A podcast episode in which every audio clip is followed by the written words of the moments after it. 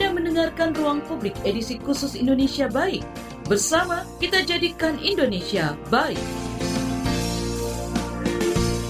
Selamat pagi, kita berjumpa kembali dalam Ruang Publik Indonesia Baik KBR dan tema pagi hari ini Seni Kreatif Pelestari Bahasa Daerah. Keberadaan bahasa daerah di Indonesia menjadi salah satu perhatian lembaga internasional UNESCO. UNESCO menyebut saat ini banyak bahasa lokal di dunia sudah mulai punah. Dalam rilisnya pada 2019 silam, UNESCO mengungkapkan bahwa sekitar 2.500 bahasa di dunia terancam punah, termasuk lebih dari 100 bahasa daerah di Indonesia. Menyikapi ancaman kepunahan ini, sejumlah anak muda melakukan sejumlah cara, seperti digitalisasi aksara daerah ke Unicode. Unicode adalah standar teknis global untuk teks dan simbol dari semua sistem tulisan di dunia untuk ditampilkan dan bisa digunakan oleh komputer dan melakukan kegiatan kreatif mendesain ulang brand luar negeri menggunakan aksara daerah. Seperti apa nih cerita di balik pelestarian bahasa dan aksara daerah ini? Berikut perbincangan Fitri Anggraini bersama pegiat aksara daerah Aditya Bayu Perdana dan pakar budaya kebahasaan UI FX Rahyono. Pada segmen ini, Fitri Anggraini berbincang terlebih dahulu bersama pegiat aksara daerah Aditya Bayu Perdana. Ada banyak cerita menarik dari Mas Bayu yang berjuang dalam mengeksiskan bahasa dan aksara daerah. Boleh diceritakan Mas, penyebab awal mulanya tertarik melakukan ini dan apa saja yang dilakukan di saat awal? Mulanya itu dari mungkin SMP kelas 3 atau SMA awal gitu. Saya itu dari dari kecil memang tertarik uh, rupa-rupa desain, uh, tipografi, desain grafis dan pas SMP SMA itu saya lagi di perpustakaan sekolah dan ketemu ensiklopedia yang tentang uh, bahasa dan sastra. Terus ada satu halaman yang tentang naskah-naskah Indonesia. Uh, nah itu uh, tampangnya sangat apik. Jadi kayak naskah-naskah di sungging emas, di, dihias-hias, aksaranya ditulis dengan kaligrafi dan seninya tersendiri kan uh, saya cukup terpukau ya. Tapi uh, pulang, kemudian search di Google biasa uh, aksara X, terus keluarnya hanya tabel hitam putih aja atau kayak contoh-contoh yang eh, nggak eh, nggak level lah dengan dengan contoh yang contoh apik yang dari uh, nenek moyang terdahulu lah istilahnya. Itu saya pikir sayang sekali kayak Uh, kalau misalnya Arab, ada kaligrafi Arab, ada kaligrafi Hanje, ada macam-macam yang membuat uh, huruf dan aksara itu, uh, lain itu bisa berkembang dan punya banyak variasi visual. Kok aksara Indonesia nggak uh, nggak ada. Terus saya pikir ya udah saya bikin aja sendiri terus coba-coba geluti sendiri uh, di grup-grup uh, sosial media, belajar bagaimana tata pakainya, search uh, di internet sumber-sumber zaman dulu gimana, bisa divariasinya gimana. Terus di awal-awal coba uh, belajar dan bereksperimen dengan sejauh mana sih aksara bisa dieksplor kurang lebih seperti itu. Terus tahu-tahu udah udah berapa tahun nih? Pada saat uh, di awal-awal Mas Bayu mencari tahu soal uh, aksara daerah, soal uh, bahasa daerah ini penggunaannya seperti apa tadi sudah Mas Bayu ceritakan kok kayaknya polos banget. Itu apakah pada saat itu mudah atau memang cenderung sulit untuk mencari bahan-bahan seperti yang dibutuhkan oleh Mas Bayu? Emang uh, nggak gampang sih ya. Uh, sebenarnya agak tergantung juga aksaranya apa. Kalau um, uh, salah satunya yang yang bisa saya sebut misalnya kan ada aksara uh, Batak, aksara Jawa, aksara Bali, aksara uh, Rejang, Lampung, kemudian aksara Lontara atau Bugis itu masing-masing um, uh, masing-masing uh, beda-beda uh, uh, jumlah materi yang tersedia di internetnya. Dan kadang-kadang itu uh, terisolasi di bidangnya masing-masing. Jadi misal soal uh, aksara Jawa ya hanya ada di materi-materi lingkar filolog, terus habis itu di materi soal aksara Bali ya cenderung uh, di lingkar tertentu aja. Aksara Batak itu juga agak susah nyarinya. Jadi masing-masing itu ada lingkarnya sendiri, tapi overall kayak semuanya agak agak susah dicari memang harus sedikit telaten dan Uh, saya di Google juga nggak cuma ca uh, cari dengan kata kunci bahasa Indonesia, tapi kata kunci bahasa Belanda, bahasa Inggris, nanti keluar penelitian-penelitian yang yang yang lebih banyak. Kemudian agak tercerai berai memang, jadi harus agak disatu-satukan, agak telaten memang harus nyarinya. Kalau dalam pandangan Mas Bayu, mengapa uh, dibandingkan mungkin dengan aksara Arab misalnya yang lebih banyak bentuk-bentuk kaligrafinya atau lebih populer dicari, uh, mengapa di Indonesia aksara daerah itu masih belum banyak terekspos begitu, Mas?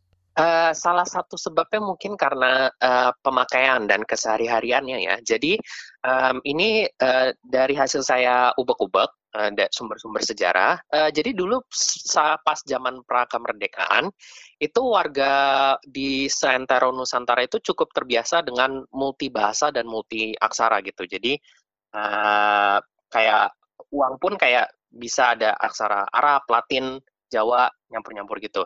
Nah, ketika orang-orang terbiasa memakai dan kan dalam sehari-hari kan pemakaiannya itu um, uh, bisa konteksnya beda-beda ya. Bisa kayak dari surat dokumen formal yang perlu agak rapi, uh, sampai kayak iklan yang perlu agak eye catching, sampai uh, tulisan kayak catatan belanja sehari-hari yang agak kasar juga nggak apa-apa. Nah, karena terbiasa dengan berbagai macam penggunaan dan lihat sehari-hari, jadi terbiasa dengan rupanya macam-macam. Tapi kan uh, sejak uh, Indonesia merdeka, kemudian kan uh, yang difokuskan kan untuk meningkatkan literasi kan menghapus buta aksara Latin dan pengajaran bahasa Indonesia yang menggunakan huruf Latin. Orang-orang kita jadi tidak terbiasa lagi melihat aksara dalam konteks alamiah sehari-hari yang bisa buat macam-macam. Di sekolah kan lihat di mulok, uh, di buku mulok doang latihan, tapi begitu selesai dari kelas tidak pernah lihat diaplikasikan ke macam-macam. Di iklan nggak ada, di produk-produk nggak ada. Jadi uh, karena tidak terbiasa dengan lihat macam-macam variasi, maka juga jadinya tidak berkembang sebanyak yang lain. Kan beda kan kalau tadi Arab, Hanje dan Hangul misal. Itu kan di tiap-tiap daerah dipakai secara luas untuk berbagai aplikasi. Jadi bisa macam-macam juga bentuknya, ragam visualnya. Jadi salah satu uh, penyebab mengapa aksara daerah ini uh, nyaris uh, sulit untuk ditemukan atau karena memang dalam penggunaan sehari-hari memang tidak digunakan begitu ya Mas ya? Mm -mm, sayangnya begitu. Nah, salah satu yang Mas Bayu juga sedang lakukan saat ini adalah uh, mempopulerkan bahasa dan aksara daerah dengan salah satunya digitisasi aksara kawi begitu ya. Nah, bisa diceritakan proses seperti apa digitisasi yang dilakukan ini dan uh, mengapa yang dipilih aksara kawi, Mas? Ah, oke. Okay. Uh, jadi digitasi itu uh, itu prosesnya pada dasarnya mengajukan uh, kode ke Unicode. Jadi Unicode itu badan internasional yang uh, dia meregistrasikan uh, jadi agar bagaimana seluruh karakter unik itu punya uh, nomor identifikasi lah istilahnya. Nah, uh, banyak aksara-aksara kita yang sebenarnya sudah punya nomor Unicode. Uh, jadi kayak Jawa, Bali, Lampung, uh, Lontara, Rejang itu semua udah punya. Uh, jadi ketika saya pakai di uh, komputer itu lebih tersupport lah istilahnya. Kalau nggak ada Unicode bisa, tapi sering kali galat-galat uh, antar device terutama. Uh, nah, uh, Kawi itu uh, salah satu uh, aksara nenek moyang yang uh, menjadi akar untuk aksara-aksara Indonesia lainnya. Dia kerabat dekat dan masih punya banyak keterhubungan dengan uh, Batak, Jawa, Bali yang tadi saya sebut.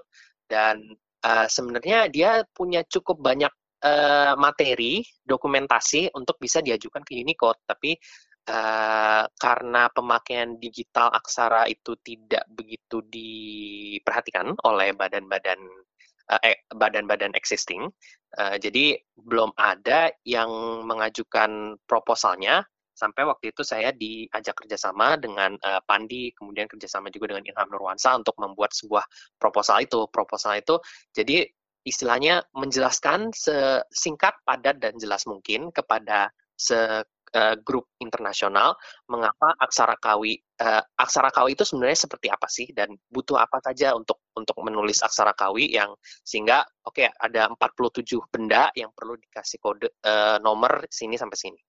Cara pakainya begini, uh, teksnya kurang lebih gini begitu begitu. Apakah uh, apa namanya secara umum uh, digitisasi terhadap aksara kawi ini akan sama dengan uh, dengan aksara-aksara lain, Mas, pada dasarnya? Ya, bedanya uh, kawi itu jadi tergolongnya aksara historis. Maksudnya tidak ada yang uh, dia penggunaannya sebenarnya terhenti di abad 16 terus sekarang yang pakai itu kelompok-kelompok uh, revivalist uh, para komunitas-komunitas uh, antusias uh, uh, nanti uh, di proposalnya justifikasinya agak beda sedikit dengan aksara Bali misalnya yang masih dipakai secara aktif oleh para penyarik dan juru tulis di Bali dan lain-lain gitu. Tapi Bali dan Jawa dan lain-lain itu udah terjadi. Yang belum-belum itu kayak aksara uh, Lampung, aksara Incung, aksara-aksara yang uh, kalau boleh jujur dokumentasi dan rujukannya masih agak sulit didapatkan. Digitisasi ini kan adalah mengubah bentuk uh, analog menjadi digital begitu ya Mas ya. Hmm, nah, hmm, hmm. kalau sumber-sumber Mas Bayu sendiri apa yang uh, digunakan untuk melakukan digitisasi ini Mas? Kalau bisa biasanya saya suka melihat uh, memakai naskah atau uh, suatu produk asli yang dihasilkan oleh masyarakat penggunanya. Misalnya kayak uh, uh, terutama ketika membuat font ya. Jadi uh, font kan bisa kayak tadi kan salah satu tujuan saya membuat ragam visual. Jadi bisa aja saya buat uh, langgam baru yang wah yang mengadaptasi uh, tren kontemporer. Tapi untuk membuat uh, suatu gubahan baru itu perlu melihat dulu dasarnya, basicnya kayak gimana. Dan itu paling baik adalah melihat uh, naskah dan berbagai materi yang dihasilkan oleh pengguna lokalnya. Misal kayak aksara Batak itu ada naskah pustaha yang ditulis di uh, lembar kulit kayu pohon, ada juga yang digurat di uh, tulang-tulang jadi bagian dari uh, amulet dan azimat. Terus habis itu untuk aksara Bali ada naskah dari lontar, tapi ada juga beberapa penggunaan aksara Bali misal caption-caption di lukisan kamasan, di uh, aksara lontara. Selain naskahnya juga ada beberapa koin dan uh, nisan yang menggunakan uh, batu nisan gitu yang menggunakan aksara lontara itu dilihat untuk mengetahui kira-kira uh, masing-masing aksara ini range-nya seperti apa dalam bentuk aslinya. Dan yang sekarang Mas Bayu lakukan adalah memasukkan aksara uh, daerah tersebut itu ke dalam industri kreatif, Mas. Nah, mengapa Mas Bayu mengambil uh, industri kreatif untuk katakanlah melestarikan aksara-aksara daerah tersebut, Mas? Nah, ini sebenarnya dari uh, observasi saya juga sih kalau dari tren sekarang. Misalnya kayak merchandise yang ada hangulnya itu sangat mudah terjual uh, karena uh, masuknya budaya K-pop. Atau sebelum K-pop juga kalau ada kanji atau tulisan Jepang dan atau kalau ada Arab yang bagus itu uh, kejual. Ini uh, bagaimana contoh kayak ketika huruf itu menjadi bagian dari desain grafis, didesain dengan baik, ada tujuannya dan ada uh, menangkap uh, imajinasi pasar, itu bisa laku dan jadi turut mempromosikan budaya dari uh, asalnya sama kayak uh, orang kan biasanya uh, sekarang uh, dengar K-pop dulu terus tertarik dan banyak menemukan merchandise Hangul terus jadi belajar bahasa Korea kan uh, trickle down-nya gitu. Nah, uh, aksara kita sering kali nggak gitu. Jadi udah dipaksa eh, dipaksa di muatan lokal untuk belajar dan nggak semua murid tertarik tapi begitu selesai kayak nggak ada merchandise yang kelihatannya bagus yang orang nggak belajar nggak belajar aksara pun itu kayak langsung tertarik dengan visualnya dan jadi terdorong untuk belajar mandiri atau didak nah uh, Eh, nah ini kan sayang sekali kalau aksara yang berpotensi sebagai salah satu ciri desain grafis yang bisa dimanfaatkan oleh desainer-desainer bikin merchandise khas Indonesia yang dijual di airport itu nggak nggak wayang lagi Garuda lagi gitu. Ada ada uh, motif visual uh, uh, baru eh ada pilihan motif visual berupa aksara yang bisa diolah dan uh, menarik uh, menarik perhatian dan menurut saya industri kreatif itu salah satu yang um, dalam penerapan aksara ya setidaknya hingga beberapa tahun belakangan itu belum dimanfaatkan seoptimal mungkin. Ruang Publik KBR Indonesia Baik edisi hari ini adalah rekaman, jadi kami tidak bisa menerima pertanyaan dari pendengar. Jangan ke mana-mana, terus simak Ruang Publik Indonesia Baik. Masih Anda dengarkan Ruang Publik KBR. Commercial break. Commercial break. Sekarang kamu nggak bakal ketinggalan berita lagi. Lewat podcast, kamu bisa kembali menyimak apa yang sudah lewat serta obrolan seru di balik sebuah peristiwa. Gak perlu repot download aplikasi lagi. Ketik aja kbrprime.id di browser ponsel pintar kamu dan simak beragam podcast di KBR Prime. Mulai rangkuman berita hingga cerita. KBR Trending, Ruang Publik, Love Bus, Disco, Diskusi Psikologi, Parbada, Ngulas Film, Lika-Liku Mancanegara, Cek Fakta, dan masih banyak lagi. Jadi waktu pas saya mau bunuh diri itu halusinasi saya bilang mati aja buruan sampah katanya mau mati. Teman-teman juga ada pada tahu sih I'm gay. Tapi mereka fine-fine aja sih selama kita baik mereka welcome kok. KBR Prime menemani aktivitas harianmu yang padat dengan beragam informasi dan obrolan seru kapan saja dan di mana saja. Temukan juga podcast KBR Prime di aplikasi podcast lainnya. KBR Prime, cara asik mendengar berita. KBR Prime, podcast for curious mind. Anda mendengarkan Ruang Publik edisi khusus Indonesia Baik. Bersama kita jadikan Indonesia baik. Anda masih mendengarkan Ruang Publik KBR edisi Indonesia Baik. Kami masih akan membahas mengenai seni kreatif pelestari bahasa daerah bersama pegiat aksara daerah Aditya Bayu Perdana.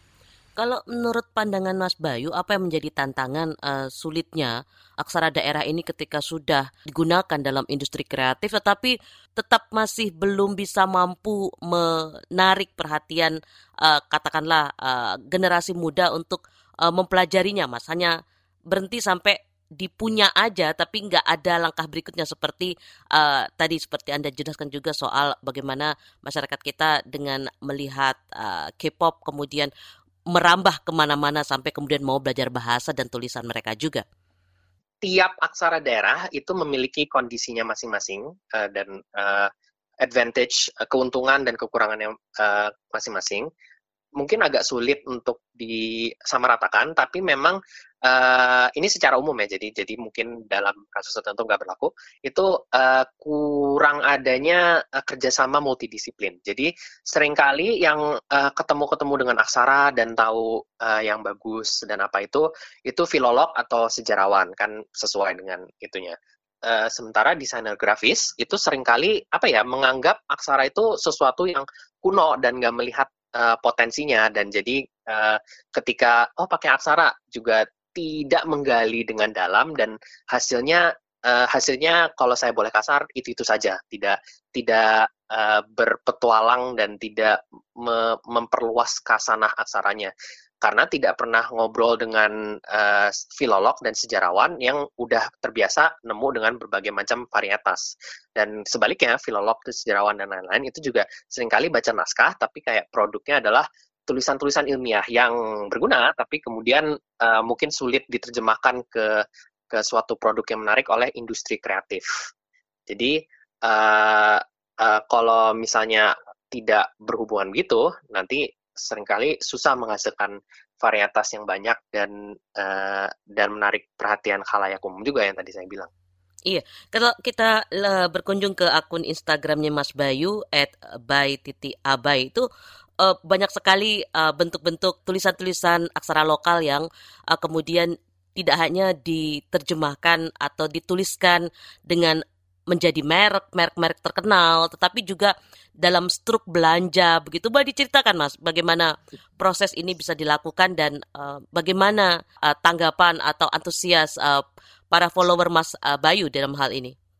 Ya itu salah satunya juga saya buat untuk menanggapi stigma kalau kayak uh, sering kali ada anggapan kayak uh, aksara itu uh, kuno, kayak uh, udah lawas, nggak nggak bisa diterapin di desain kontemporer kembali karena tadi jarang melihat variasi, taunya aksara yang itu itu aja, jadi nggak nggak tahu kalau itu punya potensi di macam-macamin.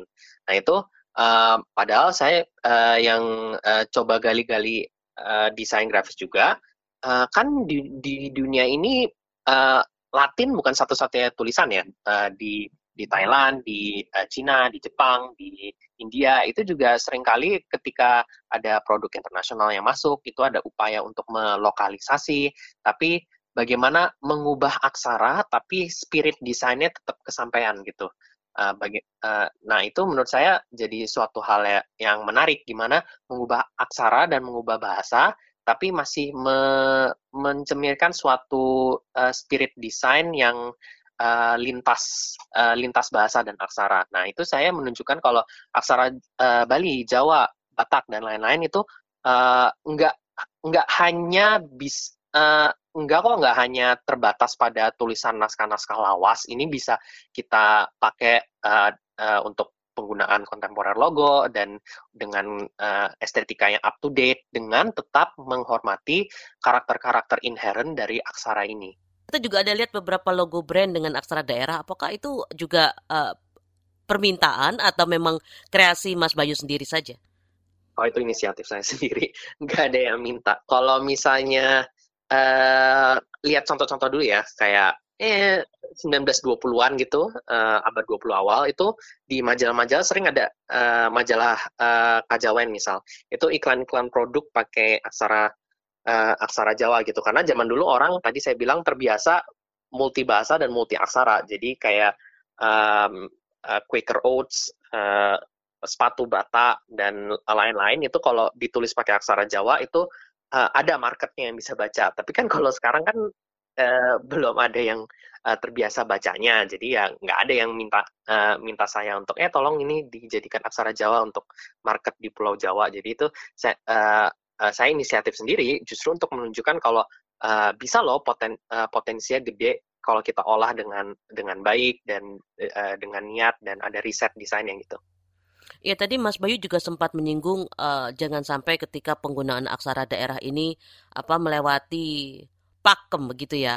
Nah sejauh ini uh, apakah pernah ada katakanlah kritik atau uh, keluhan atas penggunaan aksara-aksara daerah yang Mas Bayu gunakan dalam industri kreatif ini, Mas? Nah, itu juga salah satu yang uh, saya juga harus uh, berperan sebagai peneliti yang bertanggung jawab. Jadi saya tahu sumber saya apa dan juga sekaligus membantu me, uh, memberitahu dan mendiseminasikan hasil yang saya temukan gitu. Memang tadi yang kayak dibilang sering kali ada yang kenapa ini bentuk aksaranya begini, kenapa uh, begini-begini. Uh, ini bukannya salah ya. Nah, padahal uh, saya membuatnya itu berdasarkan contoh historis historis nyata. Tapi karena itu di naskah yang ya diarsip dan jarang lagi terlihat dan uh, kalau boleh jujur tidak semua contoh aksara di buku-buku mulok itu dicek malah banyak yang rada jelek itu jadi uh, masyarakat kita uh, terbiasa dengan apa ragam aksara yang cenderung agak sempit. Jadi ketika saya berusaha untuk mem memperluasnya, ya saya harus uh, siap dengan ada yang merasa ini nggak lazim, ada yang merasa ini kok begini ya, dan uh, harus bisa jelasin juga dengan dengan dengan sabar. Karena uh, tadi uh, anggap anggap kalau misalnya kita ke Indomaret, terus habis itu kayak semua produknya pakai Arial atau Times New Roman, itu kan nggak, itu kan bleh banget ya. Nah, itu itu makanya kita sekarang uh, masyarakat mana pun kalau ke tukang desain uh, untuk nyetak undangan atau apa, pasti salah satu pertanyaan pertamanya ini mau pakai font apa. Jadi udah terbiasa ada macam-macam, tapi tidak dengan aksara. Aksara sering kali uh, pertanyaan ini mau font apa belum kepikiran karena belum kepikiran juga kalau aksara itu bisa bentuknya nggak gini doang loh. Nah, jadi ketika saya memperkenalkan bentuk baru, itu saya harus bertanggung jawab juga. Ini saya ada dasarnya begini-begini untuk tujuan begini-begini dan uh, kasih tahu ke orang yang penasaran. Ini referensinya ini dari naskah ini, dari iklan ini. Jadi sama-sama uh, teredukasi gitu. Saya juga tahu oh ini ternyata bagi masyarakat agak terlalu ekstrim. Uh, tapi saya juga oh ternyata terlalu ekstrim ya. Oh saya berdasarkan naskah ini. Tapi bisa saya agak tanda kutip jinakan agar lebih familiar dikit lah gitu. Tapi Mas Bayu melihat seperti apa peluang uh, bisnis dengan menggunakan aksara lokal ini, Mas? Uh, menurut saya peluang bisnisnya uh, cukup gede ya. Kayak uh, uh, tempo-tempo lalu kan ada ada kaos khas Indonesia yang mereknya saya lupa apa merek uh, mereknya yang produk uh, produk-produk uh, merchandise end yang bisa mengangkat tema-tema uh, uh, Indonesia itu kan uh, cukup populer ya. Tapi uh, tadi seperti yang saya bilang kita kan sudah uh, uh, ada batik, ada ada wayang, ada apa itu kan motif-motif yang uh, sudah banyak dipakai dan aksara itu relatif belum banyak dipakai padahal punya potensi gede. Uh, mungkin kalau saya bisa kutip mulai ada UMKM seperti Bahnu Design dan um, uh, bisa cek di Instagram dan ada komunitas-komunitas kayak Hana Caraka Society Bali, kemudian Sego Jabung di Segajabung tulisannya. Sego Jabung di uh, Yogyakarta yang juga menghasilkan merchandise kaos, uh, font uh, untuk dipakai dan kemudian buku-buku cerita. Nah ini kan uh, salah satu uh, bagaimana mengaplikasikan Asara dalam macam-macam hal yang uh, uh, punya potensi untuk unik di unik di pasar. Kalau Latin kan banyak sekali ya, tapi aksara kan masih sedikit dan kalau memanfaatkan itu itu jadi stand out di antara yang lain-lainnya bisa. Ya, kami ingatkan kembali kalau ruang publik KBR edisi Indonesia Baik hari ini adalah rekaman, jadi kami tidak bisa menerima pertanyaan dari pendengar. Jangan ke mana-mana. Anda mendengarkan Ruang Publik edisi khusus Indonesia Baik. Bersama kita jadikan Indonesia baik. Terima kasih untuk Anda yang masih setia mendengarkan Ruang Publik dari KBR edisi hari ini dengan tema Seni Kreatif Pelestari Bahasa Daerah. Nah, untuk selanjutnya Fitri Anggreni berbincang bersama pakar budaya kebahasaan UI, FX Rahyono. Pak Rahyono, bahasa daerah dan juga aksara lokal itu disebut terancam punah karena memang sudah tidak banyak yang menggunakan dan juga melestarikannya, Pak.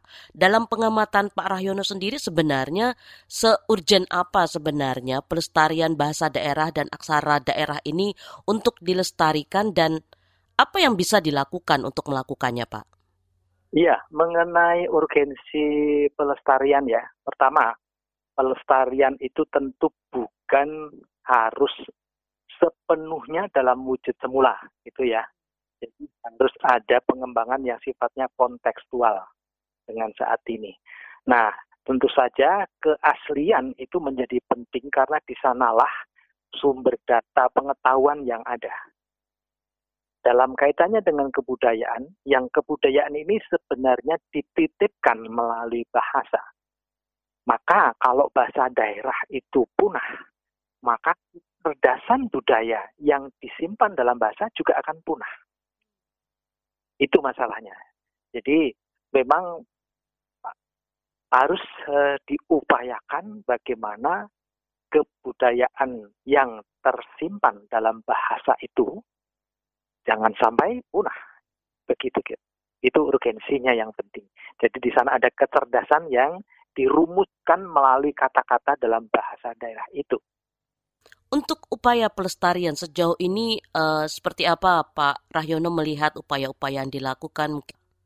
Ya memang kalau ditanya hal seperti ini memang agak apa ya agak sulit dijawab. Karena apa? Fakta. Fakta. Ini memang katakanlah misalnya saya ambil saja Jawa saya sebagai orang Jawa.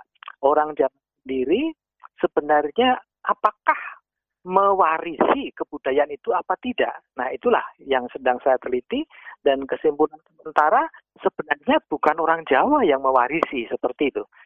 Sehingga seolah-olah pelestarian itu terabaikan atau istilah saya kecerdasan yang ada di dalamnya terpinggirkan. Inilah yang sebenarnya masalah besar ya yang ada dalam bahasa Jawa. Misalnya saja penggunaan bahasa Jawa ya. Sering diadakan kongres bahasa Jawa seperti itu ya. Itu sebenarnya satu ya. Salah satu upaya untuk tetap menjaga melestarikan dan melestarikan dalam arti konteks ya. Saya selalu melestarikan adalah kontekstual ya, kontekstual. Itu di sana para pembicaranya misalnya bahkan pembicara utama itu tidak menggunakan bahasa Jawa, tapi menggunakan bahasa Indonesia. Bagi saya itu sebuah malapetaka. Maka ketika saya diminta bicara, saya menggunakan bahasa Jawa yang utuh, yang seutuhnya, dengan unggah-ungguhnya. Kenapa? Itu sumber pengetahuan. Kalau itu dilupakan, maka juga akan hilang. Seperti itu. Jadi apalagi mau melestarikan, mau mengembangkan. Orang yang sebenarnya saja, bahkan ada yang pembicara mengatakan saya lebih senang mengembangkan bahasa Jawa itu yang ngoko, yang tidak ada tingkat tuturnya. Karena apa? Itu tidak demokratis. Itu ada ya membuat orang ada perbedaan tingkat sosial. Menurut saya bukan itu masalahnya. Bahwa manusia berbeda-beda, itu fakta. Para manusia di situ ada struktur sosial, itu fakta dan oleh orang Jawa itu direpresentasikan direkam dalam bentuk bahasa sehingga kecerdasan yang mampu memilah-milah melakukan karakterisasi karakter itu termasuk aspek struktur sosial itu terekam dan itu ilmu pengetahuan. Nah, bagaimana mengembangkannya? Nah, ini masalah berikutnya. Yang perlu dikembangkan justru kecerdasan yang ada di dalamnya. Begitu. Sehingga karya-karya yang dulu sudah benar-benar disebut adiluhung bukan diagungkan, tetapi bagaimana ditumbuh kembangkan, didaya gunakan sesuai dengan konteks kekinian seperti itu. Jadi misalnya saya sampai meneliti bahwa dari katakanlah penelitian tentang eh, peribahasa-peribahasa, saya tekan bagaimana melatih orang untuk sportif, profesional, di sana ada semua. Makna tentang bagaimana konsep pemikiran yang profesional sudah ada. Ya, tidak semua memahami atau memaknai seperti itu. Makna tetap makna yang konteks zaman dahulu ceritanya ya tidak sesuai gitu ya. Padahal eh, pemikirannya itu yang lestari pemikirannya lestari dan itulah yang harus dikembangkan dan diwarisi jangan sampai ke orang lain atau bangsa lain yang mewarisi begitu kira Pak Rahyono kan memberikan contoh soal misalnya upaya pelestarian bahasa Jawa ya Pak. Ya bagaimana dengan bahasa-bahasa lain, bahasa-bahasa daerah lain di Indonesia Pak? Saya kebetulan sudah meneliti beberapa bahasa daerah lain ya. Uh, itu ada bahasa Minang, tentu belum mendalam ya dari Minang, Minahasa, Batak, Sunda, uh, dan sebenarnya masih banyak yang ingin saya ini dan saya selalu dalam pertemuan-pertemuan ilmiah saya katakan ayolah kita meneliti bahasa kita masing-masing, mari kita bersama-sama. Di sanalah kita nanti akan ketemukan esensi-esensi kecerdasan yang berbeda-beda di setiap daerah. Kita harus mengatakan bahwa setiap daerah itu mempunyai keadiluhungan yang berbeda-beda fokusnya. Nah, di situ kalau kita paham dan kita belajar dari etnis-etnis lain, maka kita akan mempunyai pengetahuan yang lengkap. Dan ketika itu digunakan oleh semua etnis, kebudayaan Indonesia terbentuk. Apakah ketika kita bicara soal bahasa daerah ini, ini otomatis kita juga bicara soal aksaranya, Pak? Atau uh, ada juga yang hanya bicara soal tutur lisan saja, Pak?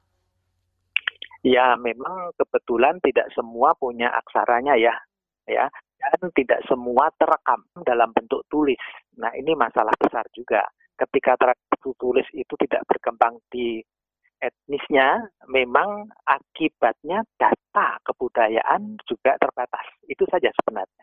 Kan daerah-daerah lewat muatan lokal di sekolah-sekolah kan mencoba memperkenalkan bahasa daerah ini, Pak. Kalau menurut Anda seperti apa uh, upaya yang sudah dilakukan pemerintah lewat mulok ini untuk mengenalkan bahasa daerah kepada anak-anak sekolah, Pak?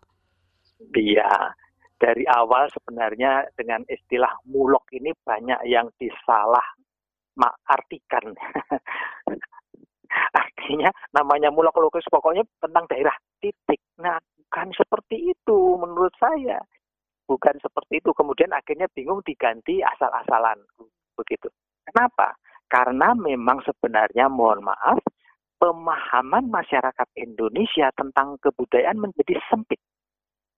Sehingga kebudayaan dipandang sebelah mata atau bahkan dianggap itu e, menghabiskan dana untuk melestarikannya. Ini pandangan yang menurut saya sangat keliru. Karena dengan budaya mestinya kita ini produktif dan kreatif dan menghasilkan sumber daya, sumber dana yang luar biasa. Bukan mengeluarkan dana.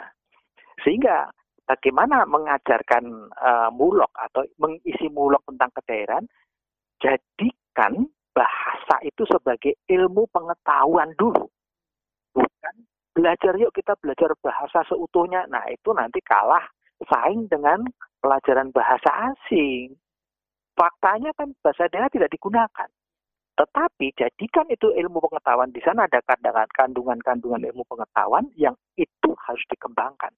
Saya ambilkan contoh banyak hal yang telah di dimanfaatkan oleh bangsa lain dan bangsa lain itu menjadi kaya raya karena budaya kita. Kita tidak sadar itu. Sehingga kita marah-marah. tidak marah-marah atau ngamuk seperti misalnya reok dia ambil bangsa lain langsung tampak kan itu marah-marah saya tertawa saja kenapa orang kita tidak ngopeni kok gitu ya marisi ketika diwarisi bangsa lain kenapa marah itu hal yang sepele ada hal yang yang lebih berat yang lebih besar masalahnya yang diambil oleh bangsa lain dimanfaatkan dan mereka bangsanya lain itu menjadi kaya raya dan produk hasil pengembangan budaya kita dijual kepada kita sendiri. Itu masalah besar. Saya ambil contoh yang mudah yang sedang saya teliti ini ya, sementara ini. Bahwa kebudayaan itu di sana ada lapis ya, lapis ide gagasan, kemudian uh, tatanan sosial, dan budaya material. Artinya budaya budaya itu selalu harus ada budaya materialnya. Kenapa? Itu hasil pemikiran, hasil pemikiran. Dan orang Jawa dulu zaman dulu sudah bisa menghasilkan karya budaya material yang unggul pada zamannya yaitu andong misalnya. Saya kaitkan dengan bahasa. Di dalam bahasa Jawa di sana ada konsep guyub. Ada konsep mangan orang mangan anggeri kumpul. Makan tidak makan asal kumpul. Bukan arti semantisnya, tetapi apa yang dimaksudkan? Bahwa di sana ada konsep budaya yang guyub.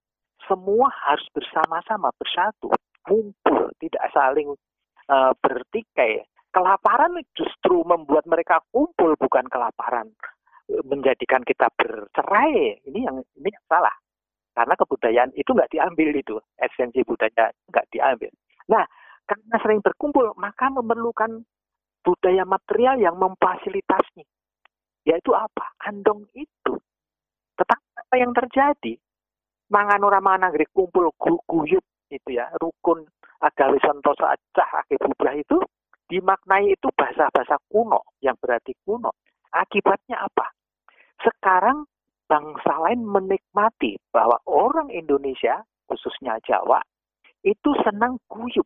Maka ke mana pun kalau pergi ngajak tetangga, ya, sekeluarga, berarti perlu alat transportasi seperti andong yang muatnya lebih dari sekedar sekeluarga. Mereka akhirnya membuatkan itu budaya materialnya dari negeri kumpul menurut penelitian saya menjadi budaya material yang luar biasa dan bukan oleh orang Indonesia dan laku keras di Indonesia. Yang kaya siapa dengan kebudayaan itu? Orang yang memahami kebudayaan.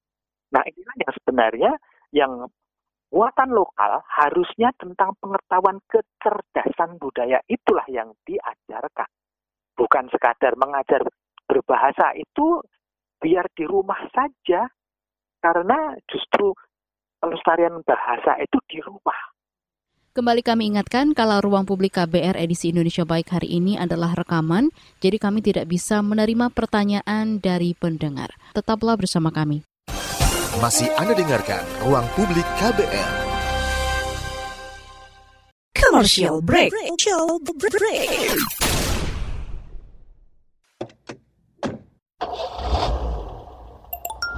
Sudah tahu yang satu ini. Sekarang kabar baru ada di playlist teman perjalananmu. Kamu masih bisa update dengar berita terbaru sambil dengerin lagu kesukaanmu. Semua bisa kamu dengerin di playlist Daily Drive Spotify.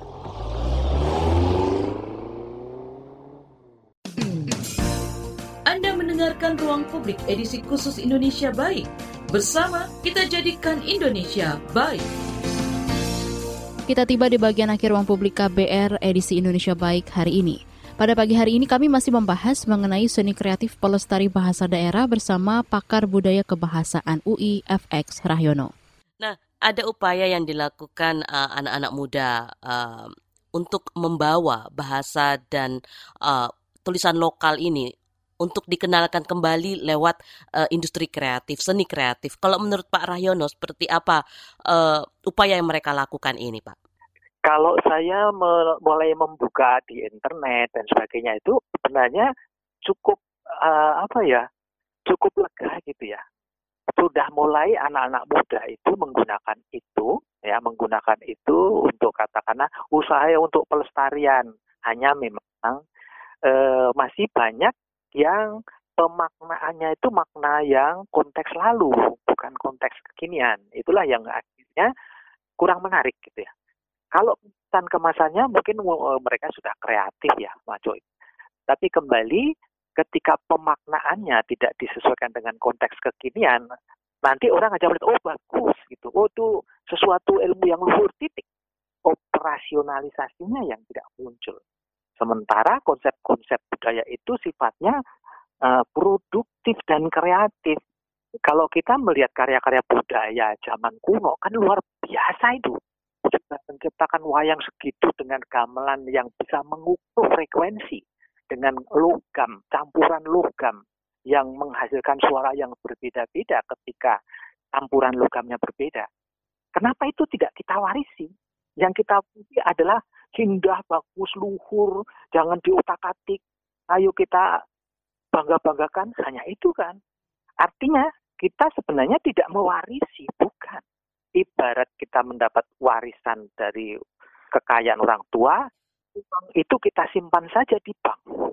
Kita makan bunganya ketika terjadi inflasi nggak berharga lagi, tidak bernilai lagi uang itu. Harusnya kan tetap dijadikan sebuah usaha, termasuk juga budaya-budaya kita. Gamelan ya, karya cipta gamelan yang sangat teknologinya luar biasa. Apa yang kita peroleh? Kita tidak memper apa, mempelajari ilmu yang menghasilkan karya budaya seperti itu. Dan itu sebenarnya di sana banyak istilah-istilah dalam bahasa yang menyimpan kecerdasan itu. Jadi yang perlu diberikan di mulok ya tentu saja sebatas misalnya tingkat SD, ya kecerdasan yang setingkat SD itu yang harus dibongkar. Menurut pandangan Pak Rahyono sebenarnya tantangan uh, untuk merangkul pekerja-pekerja kreatif seni ini untuk bisa mengadopsi uh, bahasa daerah dan uh, aksara daerah ini supaya uh, konteksnya utuh itu di mana, Pak? Iya, kembali. Prinsip atau esensi kebudayaan itu adalah proses pencerdasan melalui proses belajar. Itu intinya. Jadi saya kalau di dengan mahasiswa saya mengatakan Anda belajar kebudayaan ini sebenarnya belajar pencerdasan. Gitu. Jadi kalau tidak belajar ya tidak akan bisa. Jadi dalam bahasa Jawa itu ilmu itu kalau kanti lagu. Nah itu harus harus dijalankan ilmu itu. Yang kedua, pengkondisian. Apa itu maksud saya? Ini kaitannya dengan kebijakan pemerintah juga ya. Oh, kebudayaan dikondisikan tetap seperti ini, orang tidak akan e, tertarik ke pengembangan kebudayaan karena hanya itu saja. Orang hanya mendapat nilai ekonomis ketika ada acara-acara kebudayaan titik. Bukan itu kebudayaan itu tentang manusia sepanjang hayat seumur hidup setiap detik itu kebudayaan. Jadi eh, saya sebenarnya sangat eh, tertarik ketika negara ini membentuk Kementerian Pembangunan Manusia dan Kebudayaan. Itu luar biasa. Itulah dia harus dibangun. Masalahnya itu jalan atau tidak. Nah, itu yang diperhatian yang penting. Nah, makanya saya dalam buku saya, saya tetap mengusulkan kebudayaan di Indonesia ini mestinya diperlakukan sama seperti tambang emas, tambang uh, minyak, yaitu menjadi Kementerian Pertambangan. Lah manusianya kok nggak dijadikan kementerian budayaan? Kenapa? Kita ini multi etnik. Setiap etnik memiliki kecerdasan-kecerdasan yang fokusnya berbeda-beda dan itu bisa saling mengisi. Kalau nggak digarap ya kebudayaan selama ini ya tetap itu. Kebudayaan adalah adat istiadat, kebudayaan adalah penampilan kesenian, penampilan pelestarian lagu-lagu Jawa. Hanya itu. Nah itu kan tidak meaning, tidak bermakna. Tetapi ketika itu diopini betul, maka diajak orang menjadi produktif dan kreatif itulah. Intinya kreatif itu kontekstual sebenarnya saya katakan kepada mahasiswa saya misalnya, Anda kuliah jangan bertujuan untuk mencari pengerjaan, itu sudah salah. Tapi kuliah Anda belajar dengan sungguh-sungguh, catatannya dengan sungguh-sungguh, Anda bisa mengembangkan ilmu Anda buat uang pekerjaan mencari Anda. Itu, dan itu kebudayaan. Karena kebudayaan adalah tentang manusia. Apa sih yang diperlukan manusia? Nah sekarang sebenarnya dengan kondisi uh, pandemi ini banyak yang muncul industri, industri kreatifnya itu sebenarnya itu adalah masalah kebudayaan. Yaitu bagaimana kecerdasan manusia menghadapi tantangan mengadopsi, uh, beradaptasi dengan segala situasi di dunia. Nah, itulah proses pencerdasan yang disebut kebudayaan. Tapi kita juga tidak bisa menutup mata ketika uh, kebudayaan populer dari negara lain seperti Korea dan juga Jepang itu masuk ke Indonesia itu diadaptasi secara luas oleh generasi muda kan Pak ya.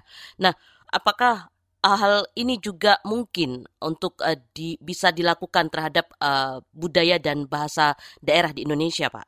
Tidak bisa dipungkiri bahwa kita tidak bisa menutupi budaya lain termasuk budaya populer masuk ke Indonesia.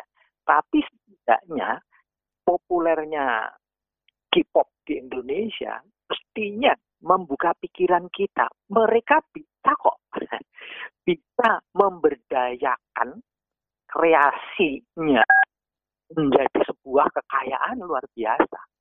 Saya ambilkan contoh sederhana sekarang misalnya kasus Didi Kempot saja. Kasus Didi Kempot itu kan tidak kalah dengan K-pop. Kenapa? E, seorang Didi Kempot tidak ambil pusing dengan apa pun, yang penting dia berkarya terus-menerus dan kok berusaha untuk konsisten dengan penggunaan bahasanya. Terlepas penggunaan bahasanya, profilnya seperti apa ya, itu hal lain. Itu masalah kemampuan kebudayaan dari masing-masing. Tapi setidaknya seorang Didi Kempot itu paham apa sih yang diperlukan manusia. Yaitu suasana gembira, suasana nyaman, bahkan sedih pun, sengsara pun dibuat menjadi sesuatu yang menyenangkan. Itu kan budaya. Itu pola pikir kebudayaan yang memfasilitasi keperluan manusia termasuk keperluan kebutuhan hidup yang terkait dengan kenyamanan kebahagiaan itu dipenuhi dan itu uangnya datang. Nah kita kalah kenapa K-pop seperti itu sampai dan itu mereka sadar betul Korea itu sadar betul dengan kekurangannya justru mereka tidak punya kekayaan alam. Mereka mengatakan kami semen hanya satu-satunya semen itu pun kualitasnya jauh dibandingkan semen-semen yang di Indonesia. Kenapa kami bisa swadaya swadaya makanan? itu seorang ahli dari Korea yang waktu itu datang ke kami ke fakultas bicara seperti itu. Kami heran kenapa Indonesia yang tanahnya subur, hujannya cukup, panasnya cukup, impor beras. nah, kembali kebudayaan terpinggirkan. Mestinya kebudayaan menjadi panglima di Indonesia ini. Kalau kaitan dengan pemerintah ya, kebudayaan mesti menjadi panglima. Karena di sanalah manusia. Bagaimana mengatur manusia, bagaimana manusia itu menjadi orang yang produktif dan kreatif? Itu diajarkan dengan teori-teori kebudayaan. Manusia itu apa otomatis nanti akan menghasilkan produk-produk bermacam-macam. Uh, sebenarnya juga peran keluarga sejak awal untuk memperkenalkan budaya dan juga bahasa daerah juga penting kan Pak ya. Nah kalau Anda melihat sendiri saat ini di Indonesia seperti apa keluarga keluarga-keluarga memperkenalkan budaya dan bahasa lokal kepada uh, anak-anak mereka dan generasi muda Pak? Iya ini masalah besar dan ini termasuk dosa besar saya ya. saya sebagai katakanlah ilmuwan budaya Jawa tapi mengajak ngomong dengan anak saya dengan bahasa Indonesia ini sebenarnya salah besar. Tetapi tidaknya ya tidaknya intisari bahasa ini saya tampilkan sedikit demi sedikit dan sekarang saya tersadarkan oleh maaf cucu saya. Kenapa? Cucu saya baru dua tahun. Saya mengajarkan lagu Jawa. Lagu Jawa si Ciloro Telu begitu. Rupanya cucu saya itu mendengarkan dan sekarang sudah hafal. Lalu saya mengajarkan kita memancing ngomong bahasa Jawa. Akhirnya dia muncul kata-kata ketika dia menghadapi masalah. Yang muncul kata-katanya justru kata-kata Jawa. Piye to iki? Nah gitu ya. Piye to iki? Gimana sih ini? Dan selalu muncul. Saya kaget ini akhirnya saya tambahkan lagi. Sebenarnya tembangkan dandang gulo senut tireng. Dia diem. Sekarang sudah hafal. Dan ketika menyentuh Jawa, dia langsung berpindah itu. Berpindah kosa katanya, kata-katanya atau lagunya langsung ke Jawa. Artinya saya menjadi semakin yakin berarti dengan budaya daerah, bahasa daerah, maka sebenarnya kecerdasan budaya, pemikiran itu akan menjadi lebih cerdas. Bahasa Indonesia itu bukan bahasa kebudayaan ya menurut saya ya, itu bahasa kasih karena dibentuk dibentuk kecuali kalau memang ada orang Indonesia yang benar-benar sejak lahir sampai orang tuanya selalu menggunakan bahasa Indonesia, tapi bukan bahasa Indonesia mungkin ya, bahasa Melayu, misalnya Melayu Ambon, Melayu Minang, Melayu Manado dan sebagainya. Di situlah itu menjadi bahasa kebudayaan. Tentang bahasa mestinya di rumah, gitu ya, di rumah. Kalau di sekolah akan kalah dengan bahasa asing. Demikian Ruang Publik KBR edisi Indonesia Baik dengan tema Seni Kreatif Pelestari Bahasa Daerah. Terima kasih untuk kebersamaan Anda pagi ini. Saya Naomi Liandra undur diri. Salam. Baru saja Anda dengarkan Ruang Publik KBR. KBR Prime, cara asik mendengar berita. KBR Prime, podcast for curious mind.